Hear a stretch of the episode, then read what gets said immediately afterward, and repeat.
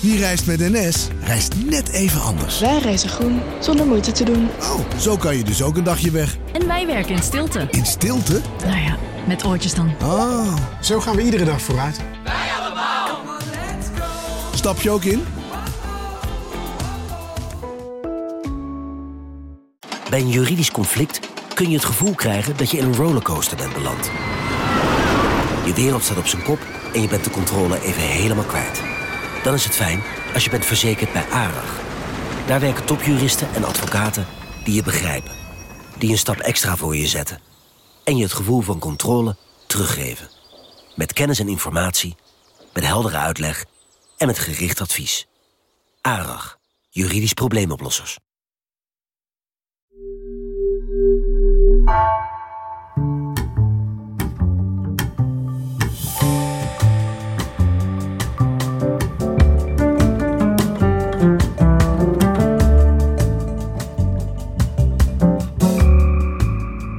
Welkom bij Heine van Teutem.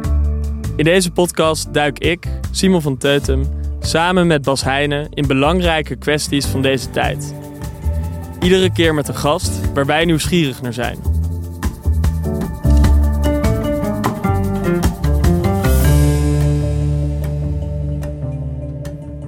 Bas, vijf jaar geleden begon de hashtag MeToo-beweging eigenlijk uit het niks.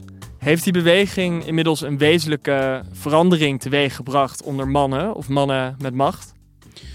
Um, ik denk zeker dat het een beweging op gang gebracht heeft. Die is nog lang niet voltooid en uh, is ook imperfect. En er zijn nu natuurlijk allemaal terugblikken.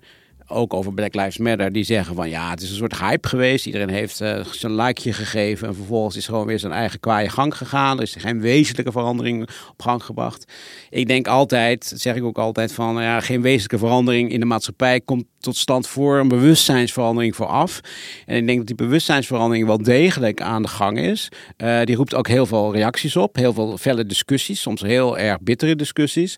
Maar dat is op zich niet zo erg. Ik denk wel dat er echt iets op gang gekomen is. En ik denk ook dat, kijk, heel veel veranderingen voltrekken zich zonder dat mensen het zelf doorhebben. Ja. En uh, het, uh, het feit dat mensen zich op bepaalde dingen nu druk maken, betekent al dat, dat er een verandering is gekomen, omdat ze zich er tien jaar geleden helemaal niet druk over maakten. Het feit dat mensen boos worden vanwege allerlei dingen. En dat geldt natuurlijk niet alleen voor MeToo, maar het geldt ook over het zogenaamde decolonisatie of, of die paraplu woke waar alles onder gezet wordt. Dat roept, dat is alle fronten in de samenleving worden dingen kritisch bevraagd. Ja. Dat is eerst een soort universiteit ter discours met allemaal veel jargon, moet ik er meteen bij zeggen. Maar dat begint nu in die samenleving uh, uh, door te dringen. En dat roept verder tegenstand op, omdat mensen het ook uh, als zien als een ondermijning van hun vertrouwde wereld, hun vertrouwde denkbeelden. ze zien het ook als soms in, in de excessen daarvan als iets onnatuurlijk, als doorgeschoten. Maar die discussie is wel degelijk op gang. En het feit dat er fel over gedebatteerd wordt, betekent dus ook wel dat er verandering aan plaatsvinden is. Dus wat dat betreft denk ik wel degelijk dat het effect heeft. Alleen dat kan je niet meten. Zo'n Black Lives Matter nee. is nu... Uh, en het is natuurlijk ook wel waar dat mensen ze maken vaak een gebaar... en vervolgens uh, trekken ze zich niks aan in hun eigen praktijk van hun dagelijks leven... van dat gebaar wat ze gemaakt hebben. Dus daar moet je wel alert op zijn. En dat roept ook wel een reactie op. Namelijk dat heel veel media en journalistiek... Uh, ook een, een, denk ik, positie kiezen. En uh, veel meer dan het idee van uh, de moeten gewoon neutraal uh, op afstand blijven. Nee, als bepaalde issues er zijn. Ik weet niet hoe jij daarover denkt, maar... Ja, en ik denk dat het buiten, buiten media zie ik dat het uh, dat discours, of die bewustwording waar je het over hebt, die nestelt zich op heel veel plekken waar het niet direct verwacht. En een goed voorbeeld was deze zomer bij het Amsterdamse Studentenkoor, nadat er zo'n uh, wogelijke speech werd gegeven over vrouwen als sperma-emmers. Uh, dat er zo'n sterke reactie ook eerst vanuit binnen de vereniging, maar daarna ook vanuit buiten de vereniging kwam. Ja, als je die studentenverenigingen bekijkt toen ik begon met studeren, en ik heb er ook uh, rondgelopen, dat was echt een andere wereld. Dus het is inderdaad, het, het is niet iets wat van de ene op de andere dag voltooid is. Nee, en mensen wel... gaan zich ook verschansen natuurlijk. Precies. Binnen een kleine bubbel. En dan ga je juist provoceren. Maar het wordt nu wel de openbaarheid ingetrokken. En dat is echt wezenlijk anders dan hoe seksistisch er bij studentenverenigingen bijvoorbeeld gepraat werd, uh, laten we zeggen zeven jaar geleden, zes jaar geleden, voor die beweging. Ja. Dat is een ander aspect van die discussie. En dat begint nu ook steeds meer onderwerp van debat te worden. Is die afrekencultuur, die, die, dat uh, shaming. Hè, ja. Dat idee. Als je, en dat is denk ik ook wel interessant voor, om het met onze gasten over te hebben. Als je één geval aanpakt, pak je dan het systeem aan of pak je dan een mens aan?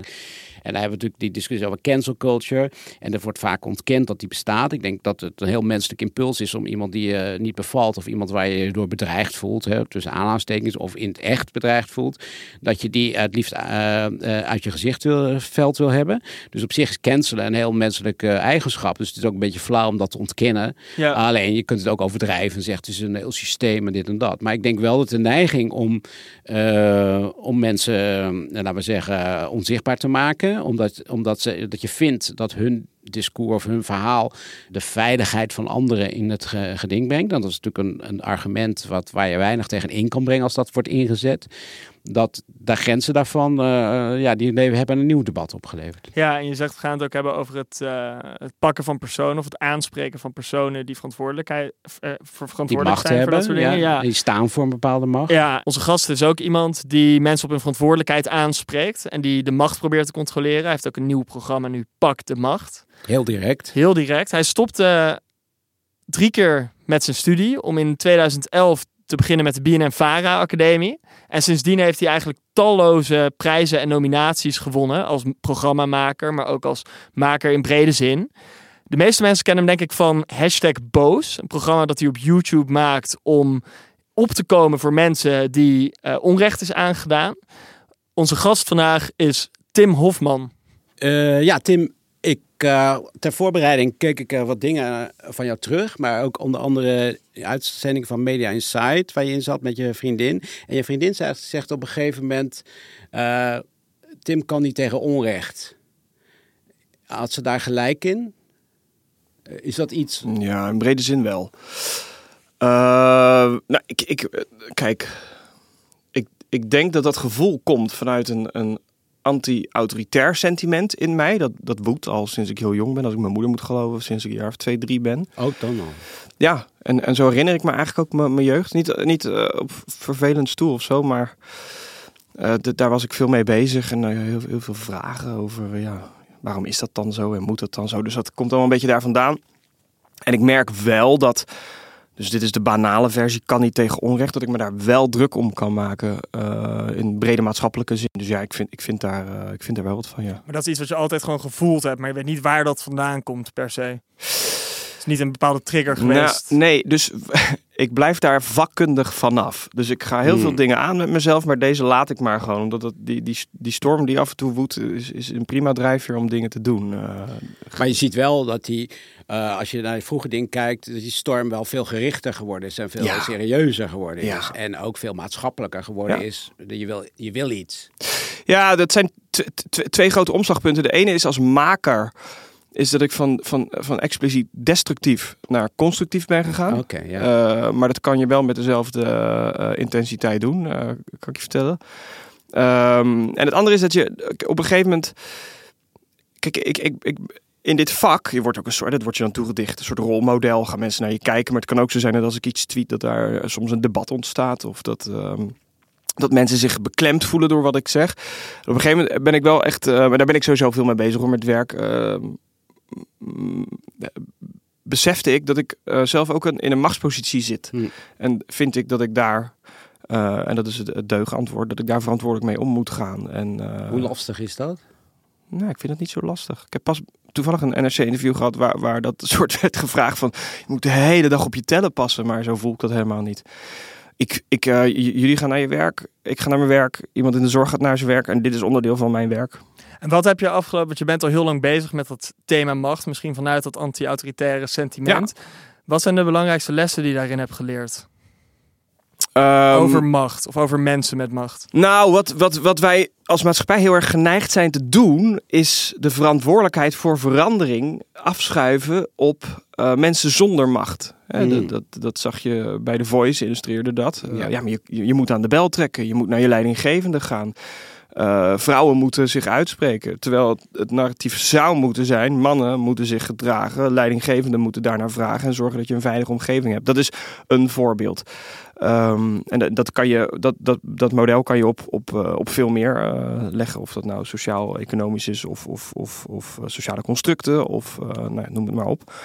Eh, ik denk dat dat een van de belangrijkste lessen is. Dat wie heeft nou waarde verantwoordelijkheid in? En, dat, en die Mhm. moet je leggen bij mensen met macht. Ehm, en daar toets ik ook aan. Ja, en de vraag is inderdaad wie. Dus het gaat ook vaak over specifieke personen of individuen. Daar Ook, zoom je ja. ook op in bij, eh, bij Boos, Ja. meestal.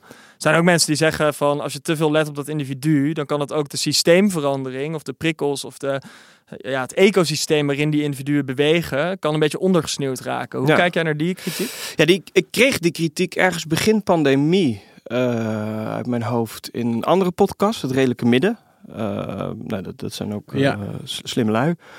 En die, die zeiden dat van ja, je hebt eigenlijk ben je steeds aan het dweilen met de kraan open. En ik was daar al wel mee bezig, want wij lopen ook met Boos bijvoorbeeld steeds tegen dezelfde problemen aan. Dat kan allemaal ontstaan. En dus zijn wij wel met Boos, en ik heb nog een ander programma twee seizoenen gemaakt, Pak de Macht, Ja. veel meer naar de structuren gaan kijken. Wat zit daaronder? Mm. Hoe ontstaat zoiets? Ehm, eh, wat kan je daaraan doen? En, en, en wie is hier nou daadwerkelijk verantwoordelijk voor? En bij Boos op microschaal doen we dat dus ook. Dus wat je bij Boos steeds vaker ziet, is dat we een, een particuliere zaak hebben. Die, hebben. die heeft geregeld één gezicht. De, de, laten we even de boosdoener noemen.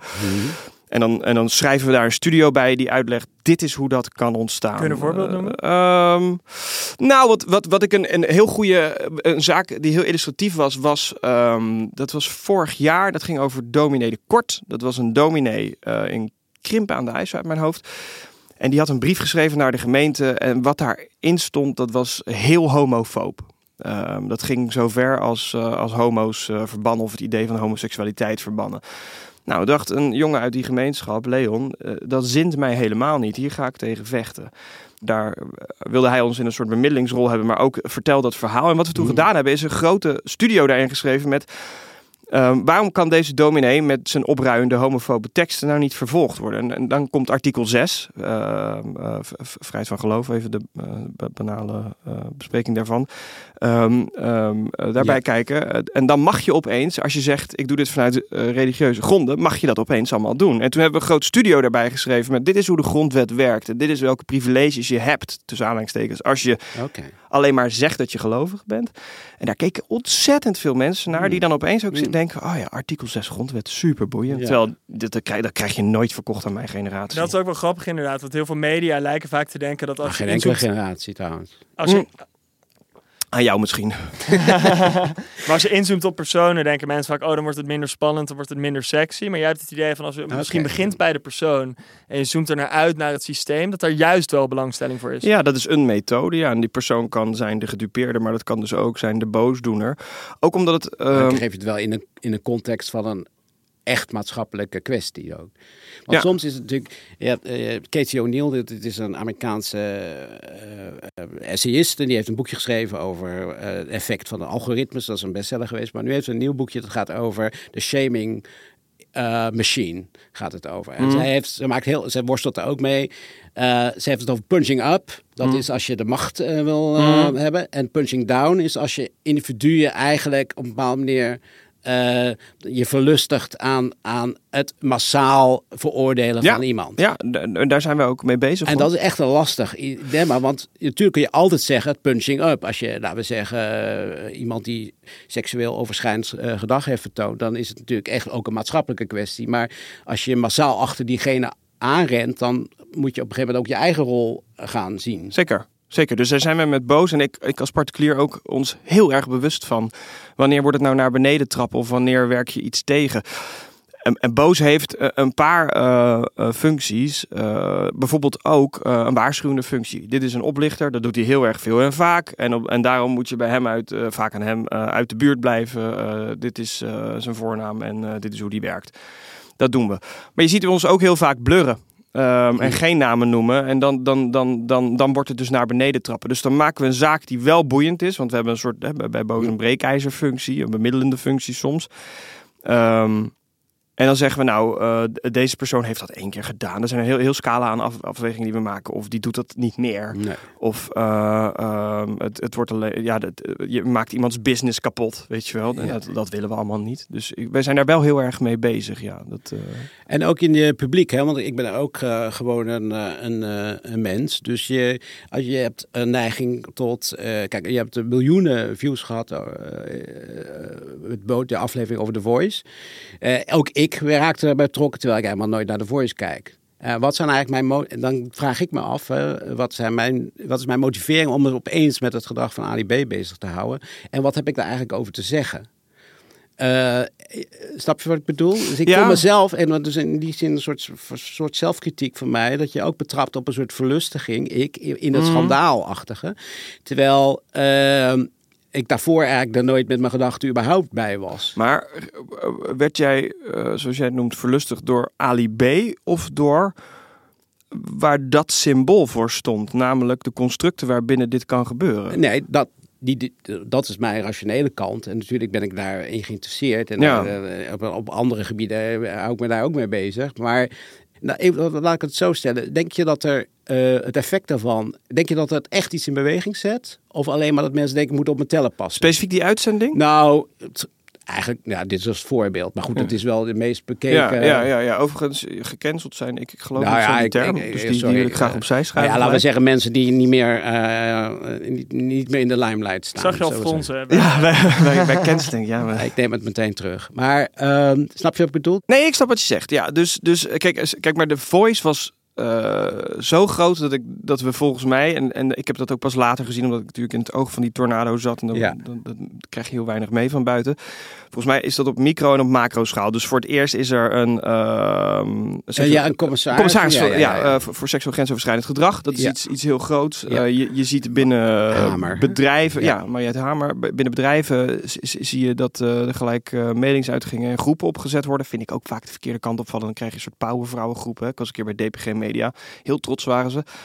En we hebben een groep met vrouwen en eh, zo trek je aan de bel. Toen dacht ik, ja, maar is jullie groep met mannen van misschien moet je dit niet meer doen. Eh, Dus, dus Ja. daar valt nog wat te winnen. Eh, en, en ik merk gewoon veel dat, het, dat er een, een tafelgesprek is. En dat is volgens mij waar, waar het begint.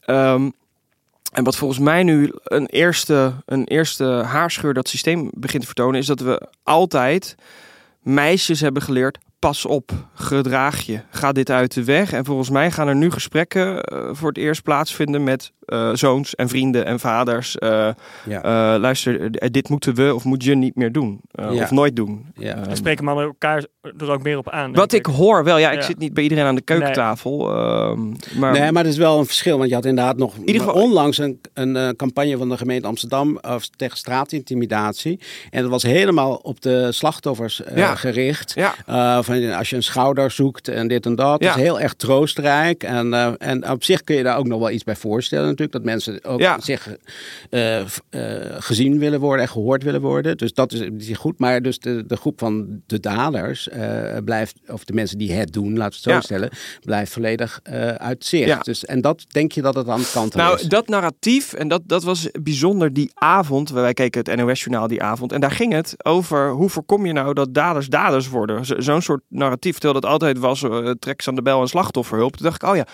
dit is wel echt Ja. een kanteling in, in de manier van kijken naar deze zaak. Dat zal niet alle, want MeToo uh, woedt al langer, maar, maar zoiets kan, John kan de wel... Mol een, is nog eh, niet helemaal bekeerd, denk ik.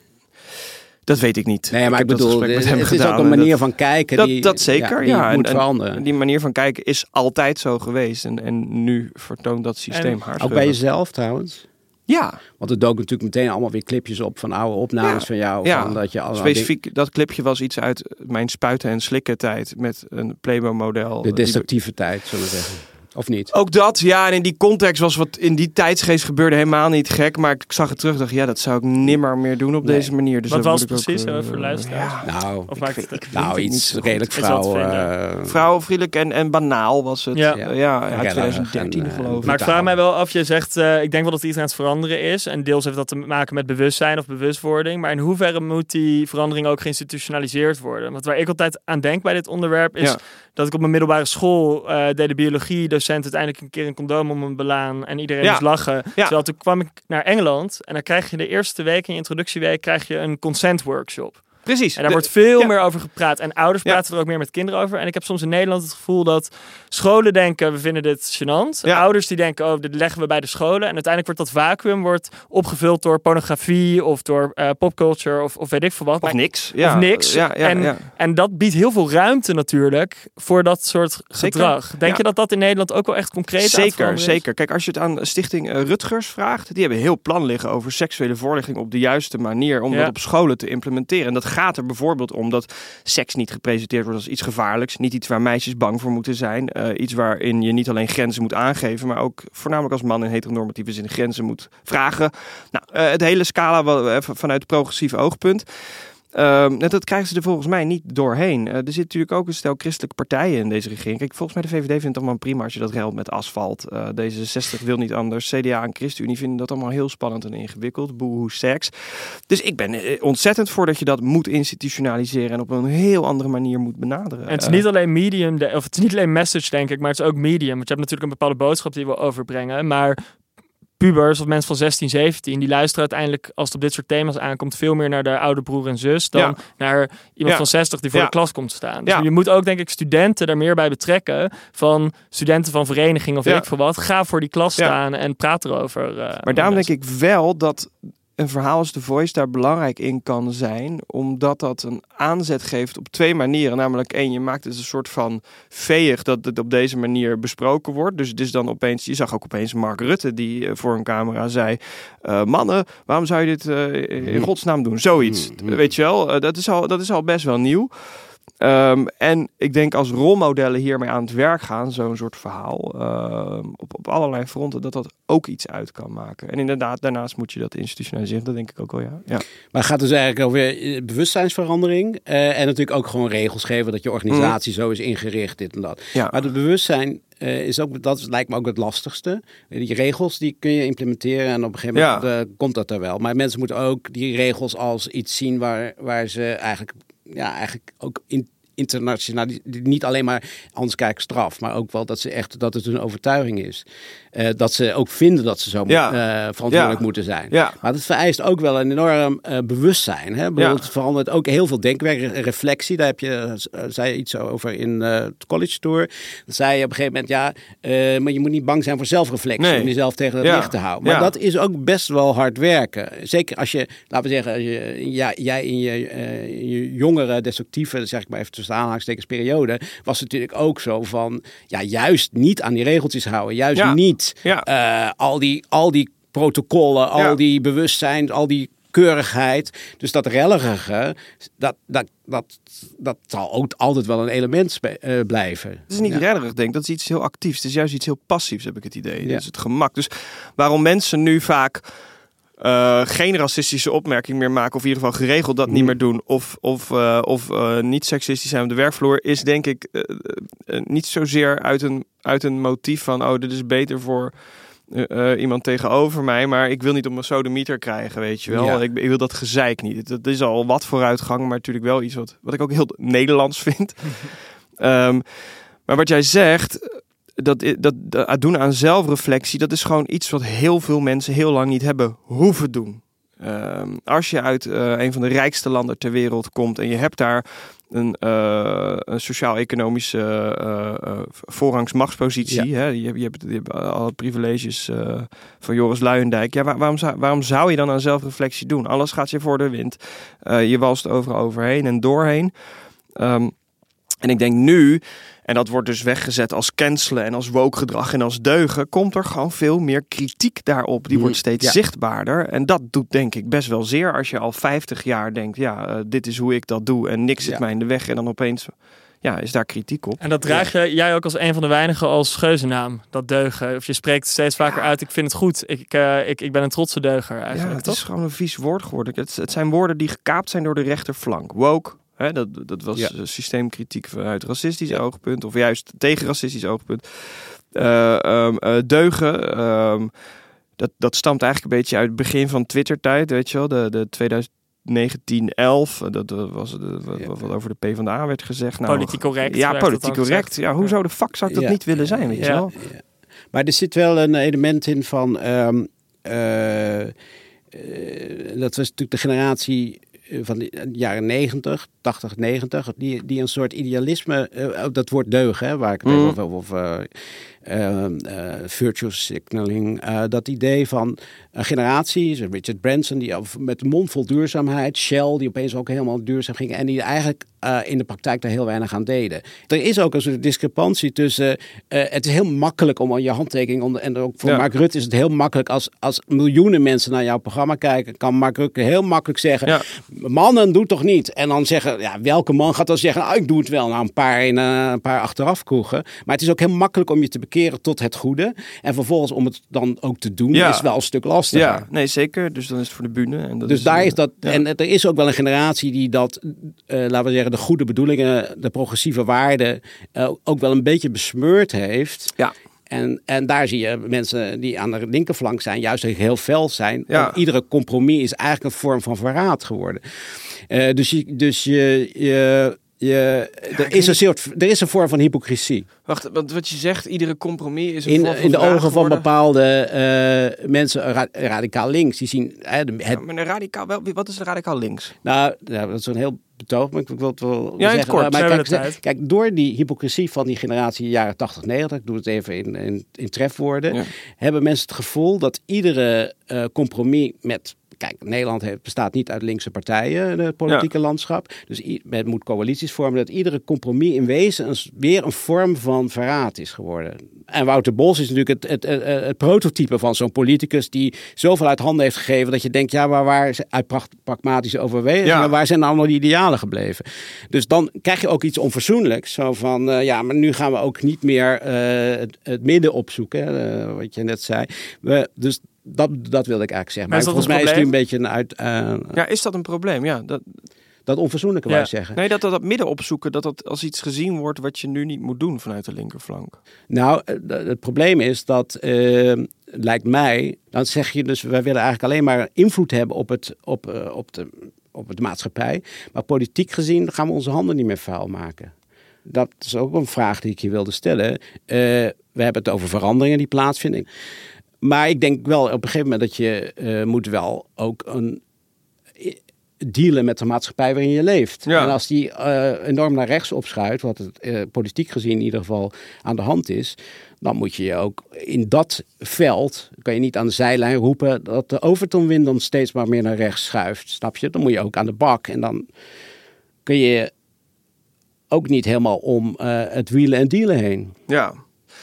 Uh, ik denk, mijn korte antwoord is, is twee dingen. Eén, in Nederland vinden we altijd dat alles gezellig moet blijven. En dat is ook ja. hoe we politiek bedreven hebben met polderen. Uh, ik, ik zei dat... Dat is een argument, ja. Ik zei dat, ik zei dat pas ergens. Kijk, als je, als je, als je uh, water met een drol mengt, krijg je niet schone drol, maar strontwater. En dat is wat er elke keer gebeurt als links nu gaat regeren. In ieder geval afgelopen jaren met Rutte. Uh, dus ik denk dat, dat, dat je dan wel radicaler mag kan zijn. Ik het alleen maar mee eens zijn, ja. Twee, ik denk dat links nu geleid wordt door niet de goede mensen. Mm -hmm. Door, door, um, en dat, dat, dat, dat kan echt zijn ideologisch, maar dat kan ook zijn naar, naar de spirit die ze meebrengen en naar het plaatje. Uh, wat ze zijn of willen zijn voor electoraat. Omdat ze een beetje besmet zijn door die compromiscultuur ja. van de jaren. Ja, en ook politiek niet slim genoeg zijn of niet sluw genoeg mm -hmm. zijn. Um, Um, en volgens mij, ja, zeg ik ook niks geks. Als we gaan zetels stellen op links, is daar vrij weinig over. Uh, uh, en denk ik dat daar gewoon niet de goede mensen zitten. Punt. Terwijl je wel denkt dat het gedachtegoed, wat er aan de grondstad ligt, in een, in een niet verwaterde vorm, heel groot uh, aantrekkingskracht heeft. Denk je? Dat denk ik wel, maar ik denk ook nog dat dat verkeerd gebracht wordt, omdat er niet de goede mensen zitten. Um, ik vind Frans Timmermans vind ik, vind ik een goed voorbeeld. Dus wat hij wil is eigenlijk heel, uh, iets heel normaals. We moeten de planeet behouden. Nou, dat is echt niet een heel eng idee. En die brengt dat dan. Dat zijn volgens mij zijn letterlijke woorden ergens. We hebben een enorme last en die moeten we samen dragen. Ja, dat wil ik toch helemaal niet horen. Wat wil je dan horen? Ik, ik wil horen, luister. Uh, uh, ga niet goed, maar we gaan het cheffen. Bijna het Rutte-optimisme ja. mis ik op links. Het is altijd of het wordt fucking weeg. He, want dan zijn politie denkt, oh nee, uh, uh, de maatschappelijke tendens verandert. We gaan mee veranderen. En dan kunnen ze dat eigenlijk niet. Of het is pessimistisch. En die twee dingen, dat, en, maar dat is denk ik nog drie podcasts vol, is, is, zijn twee cruciale fouten, zou ik het willen noemen, die ze op links maken in de politiek. En dat heeft ook mee te maken dat ze zijn gewoon, zijn gewoon geen goede salesmen en women. Mm -hmm. uh, wat Rutte wel is. Ja. Um, die verkoopt namelijk niks. Twee dingen nog even over dat uh, compromisloze. Wat natuurlijk wel interessant is als je kijkt van wie heeft de Nederlandse politiek het meest bewogen de afgelopen twaalf jaar, dan is dat inderdaad ook iemand die buiten, grotendeels buiten de macht gebleven is. Geert Wilders heeft denk ik Ja. de grootste invloed gehad op het agenderen van bepaalde thema's. Dus in, in, in die zin kun je inderdaad zeggen, links kan iets leren, niet alleen van Rutte, maar ook van, van Geert Wilders. Maar mijn tweede vraag is ook wel, je zegt de verkeerde mensen zitten daar, je hebt zelf eh, veel ideeën, je bent wel bespraakt, je hebt een podium. Wat had uit tegen eigenlijk om, eh, om daar te gaan zitten? Eh, ik, ik, ik ben een, een mediamaker, daar word ik warm van. En, en ik, kijk, wat wij willen doen met Boos, dat is, dat is niet alleen politiek, dat gaat ook over andere structuren eh, die soms politiek moeilijker benaderbaar zijn. En volgens mij in de functie die wij hebben, eh, kunnen we dat goed en kan ik wat ik doe eh, aardig. Volgens mij wer- werkt dat goed en heeft dat het effect waarvan je hoopt dat het soms he- heeft. Ehm, en is Den Haag niet mijn arena? Ik voel me daar helemaal niet zo lang bij, eh, moet ik zeggen. Ja, Ik, ik sta liever aan de andere kant. Hoe krijg je als, als burgerconsument, wat we allemaal zijn, het individu staat heel erg eh, eh, op nummer één bij heel veel mensen. Ja. En hoe krijgen we van dat, ja, de grote vraag, hoe krijg je van dat ik weer een wij? Hè? Dat is eigenlijk waar alle discussies uiteindelijk over gaan. Hoe krijg je weer in links solidariteit, rechts gemeenschapszin, hè? bedoel, kan je zeggen. Maar links zegt solidariteit, we moeten Ja. weer iets.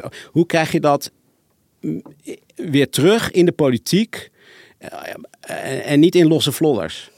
Oké, dus... Dat is dus wel de, de hamvraag hoor. de bedoel, hamvraag. Ja, nou, ik heb er wel ik bedoel, ik, zou het eh, zelf ook niet meteen weten. Wat, wat, wat eh, links dus nu niet goed kan, is ideeën verkopen. En dat zit hem soms in toon. Ehm, en dat zit hem ook in. ehm, links. Oké, dus wat rechts de hele tijd doet, is vijanden creëren. Bij Rutte is dat bijvoorbeeld een crisis. Dus dat is eigenlijk de crisismanager die we steeds willen zien. Eh, weet je wel, in, in de pandemie kon hij ook gerust zeggen: eh, ja, we gaan niet op campagne. En dan stond hij daar iedere, wat was het, dinsdag, woensdagavond, 7 uur, stond hij daar weer een crisis te overwinnen. Dacht iedereen, ja, daar voelen we ons zo lang bij. Economische crisis, hij was de crisismanager. En als we geen crisis hebben, dan wordt het opeens heel lastig voor hem. Want, want in principe hij heeft geen ideeën, toch? Dat, ehm, wat Wilders doet, is eh, een, een vijand creëren, namelijk eh, moslims en eh, mensen met een Marokkaanse achtergrond. Ehm, wat Baudet nu doet, die heeft een paar vijanden gehad, is nu hè, WEF en, eh, en eh, Amerika blijkbaar. De- inmiddels ook wel. ja, globali- Ja. Links heeft geen vijand. Die hebben geen duidelijke vijand. wie zou de vijand van links dan moeten zijn? Links, de vijand van links zijn mensen die ons kapitalistisch systeem misbruiken. Die moet je een gezicht geven, die moet je een naam geven, niet per se op de man. Die moet je voelbaar maken, die moet je een identiteit geven. Eh, het, is, het is eigenlijk die, eh, die het is, het is een heel, heel bekende, het is geen eh, meme is dat, met, met zo'n met zo'n CEO die zit, hè, het, het, een, een- arbeidsmigrant en een, en een, en een witte migrant. Een hele grote, grote stapel koekjes. De arbeidsmigrant heeft de een en, de- en die ander zegt hij gaat jouw koekjes stelen. Tegen nou, en dat, dat kan links gewoon niet meer verkopen. Die zijn helemaal uit het oog verloren eh, tegen wie ze nou vechten. Eh, en ik denk echt dat dat iets, iets is. Het David-Goliath gevoel. Daar krijg je namelijk ook een bij van. En dat is, dat is heel banaal, maar ik denk wel iets wat we moeten begrijpen. Dat als je... eh, uh, mensen hebt die onder de armoedegrens leven, en dat worden er steeds meer, of mensen die in de knel komen, et cetera, et cetera, et cetera. En nu inmiddels ontstaat dat ook een beetje, maar eh, dat, dat, dat, dat narratief, maar dat is natuurlijk al jaren aan de hand onder, onder het neoliberaal beleid van, Ja. van Rutte. Ja. Eh, is heel, eh, oh ja, het zijn, eh, de, eh, het zijn de, de, was voorheen de, de allochtonen waren dan de schuld. Eh, eh, woningmarkt, oh, dat is eh, de, van de, de, de niet-westerse migranten. Dat is 7% geloof ik. Maar denk je dat het aan het schuiven is bij links? Dat er ze ontwaken of dat ze wakker worden? eh, Eh, iets meer, ja. Ik, eh, Waarom? en, eh, volgens mij omdat ik de peilingen pas zag en dat PvdA en GroenLinks een beetje aan het groeien waren. Dat ik dacht, nou, dat... dat, dat, Ja. dat- ik bedoel, dat- binnen Maar het zijn ook partijen vaak voelen zij dat ze die boodschap moeten geven. Dat zij ook een beetje moeten leren van Rutte en Wilders daarin misschien. Eh, nee, weet ik niet. Je hebt Oké. hier, hoe heet zij? Eh, Marjolein Moorman? Moorman, in Amsterdam, is, PvdA. eh, dat, dat, is ja, een beuker. ja. En die heeft ook echt eh, een, een, een, een ge- een gedetailleerd verhaal Ja. over dit. Maar een ander probleem is natuurlijk ook dat het beroep van politicus extreem onaantrekkelijk is. Jij zegt net zelf, ja oké, het is gewoon misschien niet mijn ding. Maar het is natuurlijk heel veel, voor heel veel mensen is het niet hun ding om dagelijks geld kon- te ontvangen of om bedreigd te worden. Of ook als je kijkt hoe onze Tweede Kamer functioneert. Je hebt eh, twee, twee medewerkers en daarmee mag je de macht Ja. gaan controle- eh, controleren. Jouw team bij Boos is waarschijnlijk nog eh, groter dan dat. Ja. Dus het is ook, hoe, ma hoe maken we een systeem waarin dat controleren van de macht binnen die instituten ook aantrekkelijk wordt voor competente mensen. En ik denk dat dat een stukje systeemkritiek is wat vaak nog toch ontbreekt in de discussie. Dat je toch vaak het van ja, oké, degene die er nu niet die er nu zitten, die doen het gewoon niet goed genoeg. In plaats van Ja. hoe maken we dat systeem ook aantrekkelijker om competente rechtse politici te krijgen. Hè? Of eh, competente eh, conservatieve politici. Ja. Ik denk dat we dat wel missen. Jij zie, Bas, ik zie een beetje fronsen. Nee, ik zit te denken aan dat je natuurlijk, wat jij zegt, geen aantrekkelijk beroep. Waarom niet? Omdat je natuurlijk ook, juist omdat mensen toch in absolute eh, zijn gaan denken, vanwege die teleurstelling uit het verleden. Het moment dat er iemand iets zegt of doet, een politicus, die dan niet eigenlijk met het programma van degene die daarvoor gestemd heeft, dan is het ook meteen, eh, het is natuurlijk ook een beetje thumbs up, thumbs down eh, idee. Iedereen is afhankelijk van populariteit. Jij, op een bepaalde manier speelt het ook een rol in jouw leven. Kijk, nu heb je een publiek, neem ik aan, wat, en dat zag ik ook bij college toe, aan je lippen hangt. Eh, nou, daar kijk je nu befronsend bij, maar zij zien iets in jou wat, waar ze zich door aangetrokken voelen. Ehm, maar je kan ook iets zeggen waardoor je ze plotseling iets doen, waardoor ze zich allemaal, of een heleboel Ja. mensen denken van, ja, Ja, maar dit kan. is niet de bedoeling, Ja. of weet het en dat. En dan kan je nog zoveel goede andere dingen gedaan hebben, maar dan is dan, zo is het op dit moment natuurlijk wel heel sterk. Dus dat lijkt mij heel lastig om een van de redenen waarom die linkse politiek misschien zo slecht van de grond komt, heeft misschien ook te maken met het. eh, Dat wordt dan altijd wel ook als excuus gebruikt door politici, het afbraakrisico. Maar dat is natuurlijk ook wel. Ja, maar je kan er ook eerlijk over zijn. Ja. ik- dat doe ik ook altijd. Ga bij mij in tweetje, tweetjes zoeken. Je komt racisme, seksisme, homofobie, waarschijnlijk transfobie. Je komt alles tegen. Ja. Ik heb ook recht om te groeien als mens. Ja, En daar mijn verantwoordelijkheid in te nemen. Ik denk als politicus moet je daar ook gewoon eerlijk over zijn. Ja. En dat deed je net natuurlijk ook, want je reageert niet boos of gebeten wanneer we zeggen, oh ja, nou, oud fragment waar iets vrouwenvriendelijks in zit. Je, je bent daar eerlijk in. Je zegt dat is dat. er dat zijn is- ook dat soort fragmenten. Dat is het eieren vreten. Als je machtsposities hebt, is in de spiegel kijken. Heb ik het nou goed of niet goed gedaan? Niet goed gedaan. Ja. Punt. Ik ga daar echt niet dood aan. Nee, maar moeten we dat niet gewoon meer hypen? Dat mensen die inderdaad Totaal. een machtspositie hebben gewoon zeggen, ik heb echt iets verkeerd het zou totaal. ook wel wat brutaler. Want je ziet bij links zijn natuurlijk ook altijd de, in ieder geval de politici die verantwoordelijkheid spelen. Hè? Dus dat hele Ja. netse en ook een Ja. beetje saaien. Ja. Bij Rob Jetten voel je niet heel veel. Terwijl hij misschien heel goed zijn werk doet. Ja. Dus het gaat er ook om, het is niet alleen maar inhoud. Het is ook eh, wat je uitstraalt, eh, 100%. persoonlijkheid. eh, en, en dat is dus wat ik net zeg. Het is ook toon. En dat zit hem, zit hem in wat je uitschat en wat je zegt en op welke manier. Als je, wat ik opvallend vond, ik was een keer bij de JOVD vorig jaar volgens mij. En daar heb ik, ik, ik ben een, een volbloed intersectioneel feminist. Heb ik daar ook staan verkopen. Maar niet op een wege manier, maar gewoon als de havenarbeider. eh, ik kom uit, uit, uit Rotterdam-Vlaardingen, havenarbeid. eh, op die toon. En dan denkt iedereen opeens: oh ja, ja als je het zo zegt. Ja. Je, je, Mhm. je moet niet zo zeiken, maar geen vrouw aanranden. Ja, is ook zo.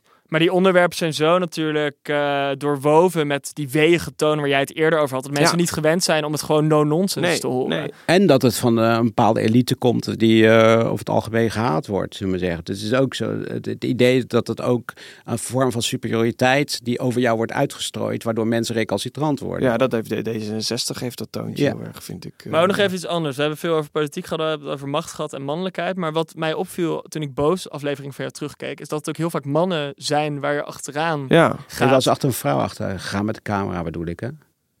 ja, maar wel, ik- volgens mij wel minder vaak. Maar ik kom Ja. wel tegen hoor, ja hoor. Ja. Zit er een verschil in de reacties? Nee, niet, niet per se eigenlijk, moet ik zeggen. Ehm, dus, dus we, god, hoe heet dat be- be- bedrijf dan? Er is, is, is er een, een vrouw aan het roer en, en dat is een bedrijf wat dan echt de, de, de, de klanten... Genaaid heeft. Ja, maar ook echt mensen met, die echt in een benadeelde positie zitten. Nou, eh, dan ben ik echt de duivel. Dus het kan echt heel erg... eh het kan heel erg gelijk opgaan hoor, moet ik zeggen. Maar is er iets eh, intrinsieks aan macht bij mannen dat anders is dan, dan, dan macht bij vrouwen, denk je? Ook um, kijk naar het thema MeToo. Ik denk dat. Nou, ik ben hier geen expert. Kijk, als het gaat om het thema MeToo, lijkt het me, lijkt het me duidelijk dat, dat als je eh, vrouwen aan de top hebt staan, dat die in ieder geval invoelender zijn en snappen waar dit probleem over gaat. En dat je misschien heel andere consensus binnen bedrijven krijgt over zo'n zo'n onderwerp. Nou, eh, als het gaat over. Kijk, ik denk dat wij eerder mannen tegenkomen, dat mannen gewoon veel meer ruim baan hebben gehad. En dat zit hem niet alleen in. Kijk, vrouwen hebben vaak niet geleerd ruimte te nemen. En mannen is dat altijd van toegelaten, toch? Er zit ook niet een ander aspect bij. Ik heb die DSK-documentaire gezien op eh, de Netflix. Hè, die uh, Dominique Strauss-Kaan. die- Oh, ja, ja, ja, ja, ja. En eh, eh, wat je ziet, en dat is ook wel denk ik deel van die Franse generatie. Want hij wordt ook verdedigd door allemaal, of quasi verdedigd door allerlei generatiegenoten. Is dat als, als je als man in die tijd, zeker als je die macht heeft van IMF waar die zat en de Franse linkse politiek trouwens was een, sociaaldemocraat of socialist zelf. Eh, als je die macht hebt, dan hoort daar seks bij en geld. Dat is voor die mannen eigenlijk het idee, dus een vorm van een soort corruptie. Dat heb je in Ja. Frankrijk meer dan in Nederland. Dus het is ook een soort, wat er in Frankrijk, droit de seigneur. Als ik die macht heb en er komt een journalist eh, die, die aantrekkelijk is, dan heb ik eigenlijk een vorm van bijna re- recht om die lastig te vallen. En ook nog wel dat ik geniet van als het niet leuk vind. Daar zit ook een soort perversie in. Een soort Nou, ik denk- psychopaatgedrag. Nou ja, maar eh. ik denk dat eh, bij Weinstein zat dat volgens mij Ja. ook heel sterk. Ja. Maar het gaat juist om die macht uit te oefenen en laten zien dat je de macht hebt. Maar zijn dat niet dat de lijkt mij- uitzonderingen, Bas? Zijn dat niet de uitzonderingen? Of denk je dat dat Nou, zoiets daar gaan wat jullie veel- misschien, kunnen jullie misschien beter over oordelen dan ik. Maar ik, ik denk Waarom? wel. Nou ja, ik bedoel, omdat jullie meer met vrouwen te maken hebben dan ik. Ehm, eh, en ik zeg niet dat, je, dat jullie daar. eh, Ja, oké, maar macht en seks. Dat, dat- Nou, maar ja, ik bedoel, het uitoefenen van macht op insect is volgens mij heel, heel eh, een item. Zeker nou, bij die generatie helemaal. Maar ik denk toch ook wel eh, dat het eh, Ja. eh, in allerlei... Voor, en dat heeft natuurlijk... Nou, kijk wat de Russische soldaten in Oekraïne doen. Hè? Dat, is, het gaat echt niet omdat, omdat het goede seks is. Nee, dat zeggen ze Die toch? Alles draait om verkrachtingen seks, behalve seks, het draait om macht. Ja. Ja, Ja. dus die verkrachting hebt, het vernederen zit, Ja. is een onderdeel van de Ja. aantrekkingskracht. Ja, Dat zei overigens Kevin Spacey volgens mij in House of Cards. Dus Is dat dat zo, wel ja? weer een beetje ironisch. Maar, Oh.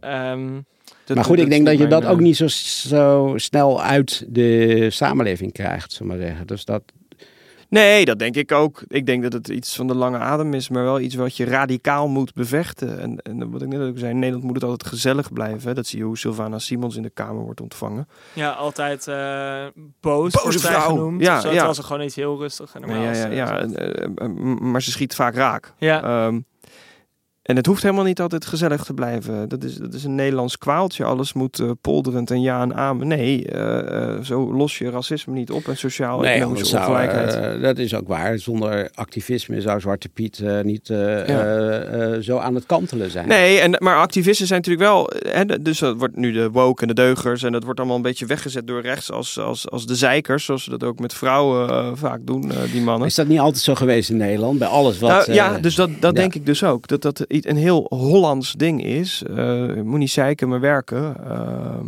maar, maar uiteindelijk beland je dus waar we nu belanden. Ehm, En als je het hebt over dat aanvechten van het onrecht, en we kijken heel eventjes vooruit. Je hebt heel veel talenten, schrijven, presenteren, eh, formats maken. Gaan we de komende jaren ook nog een kant van jou zien die we nog helemaal niet hebben gezien? Of ben je ook wel eens bezig met ideeën waarvan je denkt, oké, dit, dit is iets wat ik nog niet echt aangeraakt heb, maar wat ik wel graag wil ontwikkelen?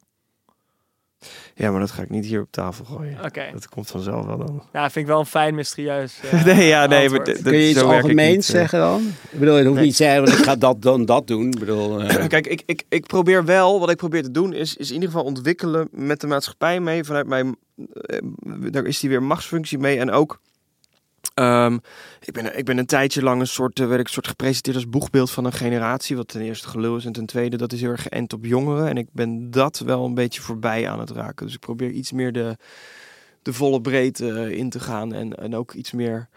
eh, daar heb ik ook behoefte aan in, in het vak waarin ik zit, omdat dat heel snel ook kaal wordt. Iets, iets, iets wat intellectuele verdieping. En, eh, en vanaf dat, dat, dat is denk ik een goed startpunt om komende vijf jaar weer in te gaan. Mooi. Wat ik vond die, eh, wat ik altijd bij, eh, wat ik heel knap vind van jou, is dat je eh, dat front van die macht of politiek of mensen, de onnadenkendheid van mensen als eh, Klaas Dijkhoff, die je dan confronteert met iemand die dreigt eh, te worden uitgewezen. Hè, dat die, Ja, ja, ja. Dat vond ik werken. Dat, was, dat vond ik niet. ik denk, neem aan dat je daar ook kritiek op hebt Zeker. gehad. eh, maar dat vind ik wel op dat moment laat je iets, confronteer je iemand met de gevolgen van zijn beleid, die misschien helemaal niet daarmee bezig is, in een directe manier. Maar dat vind ik echt goed werk, want dan heb je niet alleen Klaas Dijkhoff in het nauw gebracht.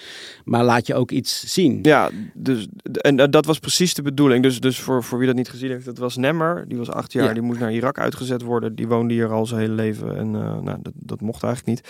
Dijkhoff zegt ja dus. eh, als Ja. hij zegt ja, ik mag gaan naar Irak en ik denk dat ik dood ga. Overigens was hij de enige die eerlijk was. Asher en toen het tijd Pechtold en Buma draaiden het helemaal heel moeilijk, werden boos op mij en nou, dat was allemaal gedoe. Ehm, maar die scène is eigenlijk waar die hele film om draait. Namelijk Mhm. de, de, de David Goliath en dat het om vlees en bloed gaat. En wat, Ja. wat illustratief daarvoor was, is toen dat kinderpardon, dat is vier maanden werk geweest. We hebben een lobbygroep opgezet, joh. Dat was eh, enorm veel werk. En toen belde iemand uit, de, uit een coalitiepartij, belde mij. eh, met, persoonlijk met, joh, luister. ehm, dat kinderpardon gaat er komen. En dit heeft echt mijn werk eh, eh, en, de visie erop best wel radicaal, eh, niet, niet zozeer veranderd, maar, maar dat ik dacht, ik moet af en toe wat extra gas geven. En hij zei, en dat was iemand die echt heel erg graag dat kinderpardon ook wilde, eh, ehm, eh, partijleider. En, en die zei tegen mij, Tim luister, dat kinderpardon komt er, dat is fijn. Nou, wij natuurlijk van holy shit, wat goed. en, en die kinderen mogen blijven, hun gezinnen ook. Ehm, en hij zei, toen zei hij, ja, het is goed dat jullie die docu hebben gemaakt, want dan weten we in Den Haag weer over wie we het hebben. Hebben, ja. En toen dacht ik, holy shit. Dat is zo belangrijk, want heel veel zijn dit soort maar complexe... wat heftig ook, Ja. toch? Ja, dat, blijkbaar zo van, Maar oh wacht, we hebben het over vlees Ja, en bloed. ja, ja, maar Vergeten. Dat, dat is, ja, dat andere wat ik dus ook goed vind van jou is dat, en waar je nu misschien meer de nadruk op legt dan vroeger, is dat je, eh, je confronteert de macht met het persoonlijke, maar nu laat je ook meer de, eh, wil je dan meer de verbanden laten zien van het persoonlijke naar die thema's die daarachter liggen. Ja. Dus dat meer abstracte en wat je over, wet, eh, over wetten, over eh, dingen, over structuren die, die er zijn. En dat is wel een talent, want voor heel veel mensen, eh, en, en daar reken ik mezelf ook onder, is het al snel dat je denkt, ja, maar dan moet ik me daar heel erg in verdiepen. Ingewikkeld, abstract, Ja. ver van mijn bed. Ja. En het persoonlijke, dan weet ik gewoon, eh, eh, gaat het over Ariep of over, weet je, dan, is, dan ben je ook, dat, waar ik net al in het gesprek over had, over dat, dat iedereen is een roddel, eh, wellustige roddelaar. Dus dan denk je Ariep, Vera Bergkamp, en vervolgens heb je het, of Frits Wester met die schaar, het kan toch niet? En dan heb je het eigenlijk helemaal niet meer over die kwesties die erachter liggen. En dat is volgens mij een enorme Ja. eh, eh, verleiding. Dus het is heel goed als je op een aansprekelijke manier juist die grote thema's wel bij het individu terecht laat dat, komen. dat is de truc. Dat is, dat is een van de dingen die, die, die bij ons ehm, het allerbelangrijkste is en altijd geweten. We krijgen natuurlijk heel vaak, kun je iets maken over klimaatproblematiek? Ja, wat, ja. ja, Ja. dat is zo. dat- Dat is dus ook eigenlijk de les voor, Ja. voor andere makers, denk ik. Tim, wij Ja. danken jou wel.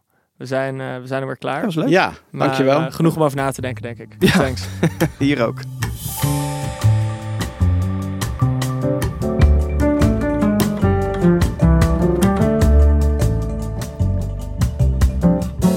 Dit was Heine en van Teutem. Producer van deze aflevering is Inge Ter Schuren. Montage en tune werden gedaan door Jeroen Jaspers en Bas van Win. Luister alle afleveringen van Heine en van Teutem in de NRC Audio app.